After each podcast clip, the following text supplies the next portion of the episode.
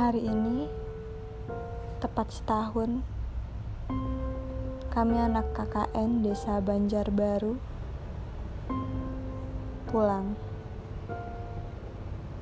18 Agustus 2020 Pengalaman sedih, senang, campur aduk yang ada di KKN Tapi ada satu hal yang tak luput dari perjalanan kisah yang panjang selama dua bulan ini yaitu cerita hantu atau cerita yang menyeramkan dalam KKN dulu waktu awal-awal baru semingguan lah kita ada di rumah tersebut rumah induk semang itu ada kejadian-kejadian mistis. Oke langsung aja.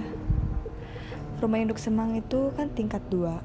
Modelan rumah panggung cuma udah direnov gitu jadi bagus. Ada di dindingnya juga di lantai. Tadinya itu bekas rumah panggung. Sekarang udah ala modern.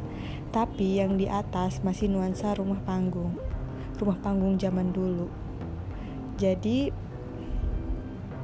singkat cerita kita cewek-cewek tidur di kamar atas terus yang cowok di kamar bawah awalnya masih biasa kita bersihin, sapu, pel. Di kamar atas ini ada dua ruangan yang agak besar. Kita pilih buat naro-naro barang bawaan kayak koper, tas, dan lain-lain. Di situ kayak ruang sekatan. Satu yang ruang agak besar, satu ruang agak kecil gitu. Tapi ada yang aneh dalam ruangan itu, terutama ruangan yang besar.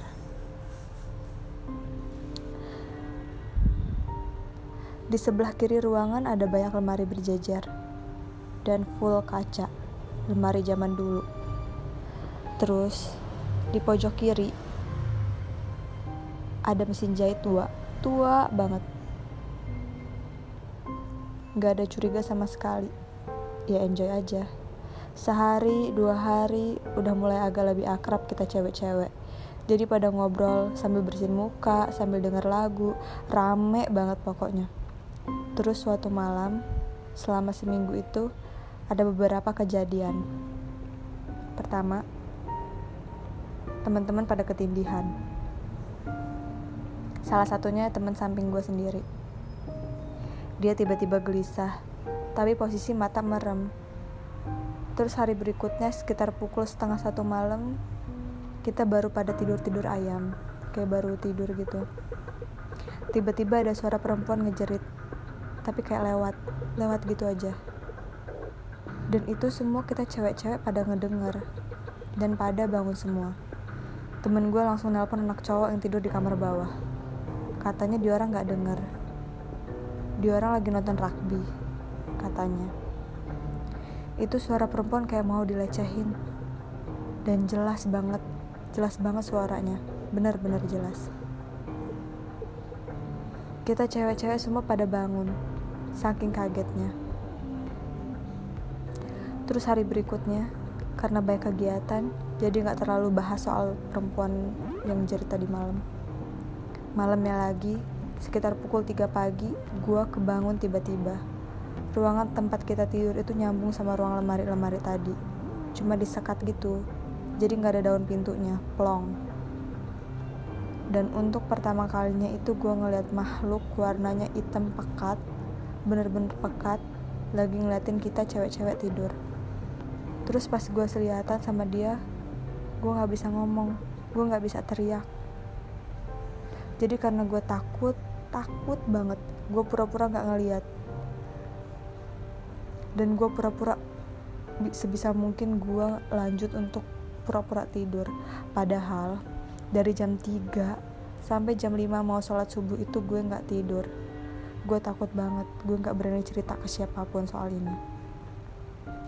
Hari berikutnya ternyata dia nampakin lagi tapi bukan sama gue. Dia nampakin diri ke teman gue. Besok pagi dia cerita kalau di depan bolongan pintu itu ada makhluk hitam banget nengok ke arah kita. Gue kaget lah, langsung gue ceritain kejadian yang gue alamin hari sebelumnya. Dan tiba malamnya lagi, kita akhirnya mutusin untuk nutup pintu itu pakai kain. Terus lain tuh temen gue lainnya pas dia ngaca di lemari-lemari tadi yang penuh dengan kaca, dia ditampakin sosok kakek-kakek di depan mesin jahit. Lagi ngeliatin dia. Karena dia juga gak bisa lari, kadung udah duduk, dia manggil-manggil nama gue. Nadanya bercanda, cuma emang getar suaranya. Dek, Nai, Nai, sini deh. Berulang-ulang. Biasanya gue gak mau, tapi gue feeling. Langsung gue ke tempat dia. Dan pas gue samperin, dia tiba-tiba bangun, jalan cepat ke kamar, ninggalin gue. Dia sore cerita sama kita soal itu. Terus ada satu lagi, temen gue ngeliat ada makhluk di atas lemari. Perempuannya ra perempuan, rambutnya panjang banget. Itu temen gue sempet nanya sama induk semang soal perempuan itu. Ternyata benar. Dulu waktu induk semang gue hamil, dia sempat ditampakin perempuan itu. Rambutnya panjang. Panjang banget. Dia teriak-teriak sampai minta tolong jangan diganggu. Tapi syukur nggak dia nggak diganggu dan nggak nampakin lagi. Sampai pas kita KKN baru-baru itu, dia muncul lagi. Singkat cerita lagi ada kunjungan salah satu keluarga teman seposko. Dia punya adik kembar. Terus keluarganya bawa oleh-oleh dia bertiga adiknya ke atas, bawa oleh-oleh tersebut. Ternyata salah satu adiknya indigo.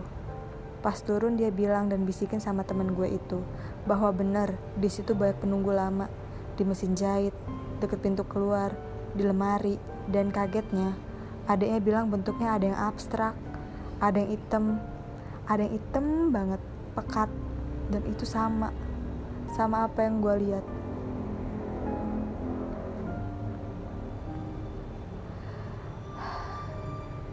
Demi apa pun gue langsung kaget.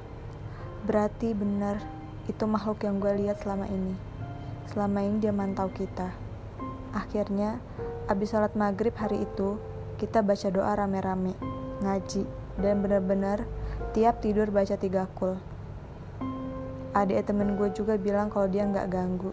Cuma katanya makhluk di sana mungkin pada pada kaget karena terakhir tempat itu dipakai waktu tahun 2017 bekas anak KKN angkatan 2014. Jelas, dua tahun kosong. Setelah kita pengajian itu, alhamdulillah nggak ada lagi yang ditampakin atau ketindihan. Teman-teman gue ada beberapa yang bangun jam 2, jam 3, juga nggak ada yang ditampakin lagi. Tapi ada sih yang lebih serem. Waktu nyari lengkuas di hutan deket kuburan malam-malam berdua doang, sama temen cewek. Berasa lagi jurit malam. Auranya panas, panas banget padahal malam udahnya malam itu kita tidur. Terus pas subuh ngedenger orang rame. Rame banget. Kirain mau masak-masak.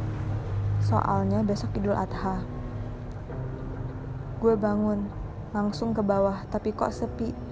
Ternyata semua teman gue juga pada dengar dan pada bangun. Gak taunya gak ada orang. Sepi banget. Gue yang bangun pertama ngajak kawan gue ke bawah ngidupin lampu. Dan ternyata belum pada bangun. Induk semam belum bangun, nenek yang biasa subuhan aja belum bangun. Itu kejadian sekitar uh, kita pada mau pulang. Seminggu sebelum kita pulang. Sebelum kita pulang itu itu jadi cerita mistis terakhir waktu di KKN sumpah itu beneran nyata. Sebelum kita pulang kita pamitan dulu tuh sama makhluk-makhluk astral biar damai. Ya alhamdulillah sih. Sekarang mah cuma jadi ingatan aja. Saya cuma ya cerita kayak gini biar nggak hilang biar ada kenangannya. Ternyata kakak itu memang benar-benar ceritanya ada bahagianya, mistisnya, dukanya. dan alhamdulillahnya itu dilalui dengan bareng-bareng. Gak kebayang banget sih. Kalau misalkan tim KKN itu cuma ada tujuh orang empat orang atau bahkan lima orang syukurnya kita di situ bersepuluh rame. Itu sih buat jadi kenang-kenangan di masa depan aja